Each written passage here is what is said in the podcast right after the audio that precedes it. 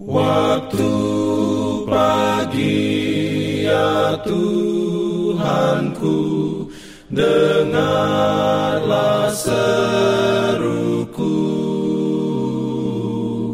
Melayang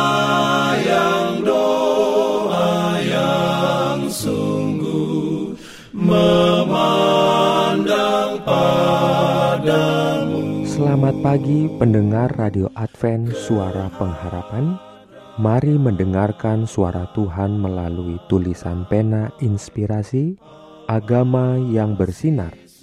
Renungan harian 13 Desember Dengan judul Terhitung lebih besar daripada kesedihan dan malu Ayat inti diambil dari Ibrani 12 ayat 2 Firman Tuhan berbunyi, marilah kita melakukannya dengan mata yang tertuju kepada Yesus, yang memimpin kita dalam iman dan yang membawa iman kita itu kepada kesempurnaan, yang dengan mengabaikan kehinaan, tekun memikul salib ganti sukacita yang disediakan bagi dia yang sekarang duduk di sebelah kanan tahta Allah.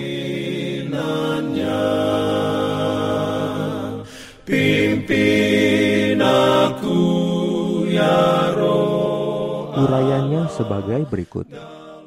Adalah untuk sukacita yang ditaruh di hadapannya, agar dia boleh membawa anak-anak kepada kemuliaan, sehingga ia menanggung salib dan menahan malu, dan tak terkira besarnya duka cita dan malu, namun lebih besar sukacita dan kemuliaan ia memandang orang-orang yang ditebus diperbarui di dalam petanya sendiri. Setiap hati memiliki kesan ilahi yang sempurna.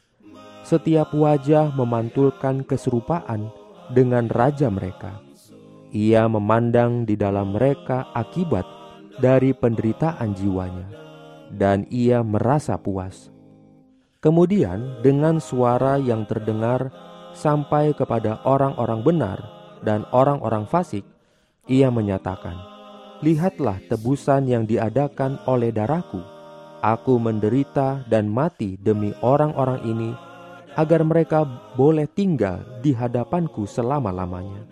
Dan nyanyian pujian diperdengarkan oleh yang berjubah putih di sekeliling tahta itu. Anak domba yang disembelih itu layak untuk menerima kuasa dan kekayaan dan hikmat dan kekuatan dan hormat dan kemuliaan dan pujian.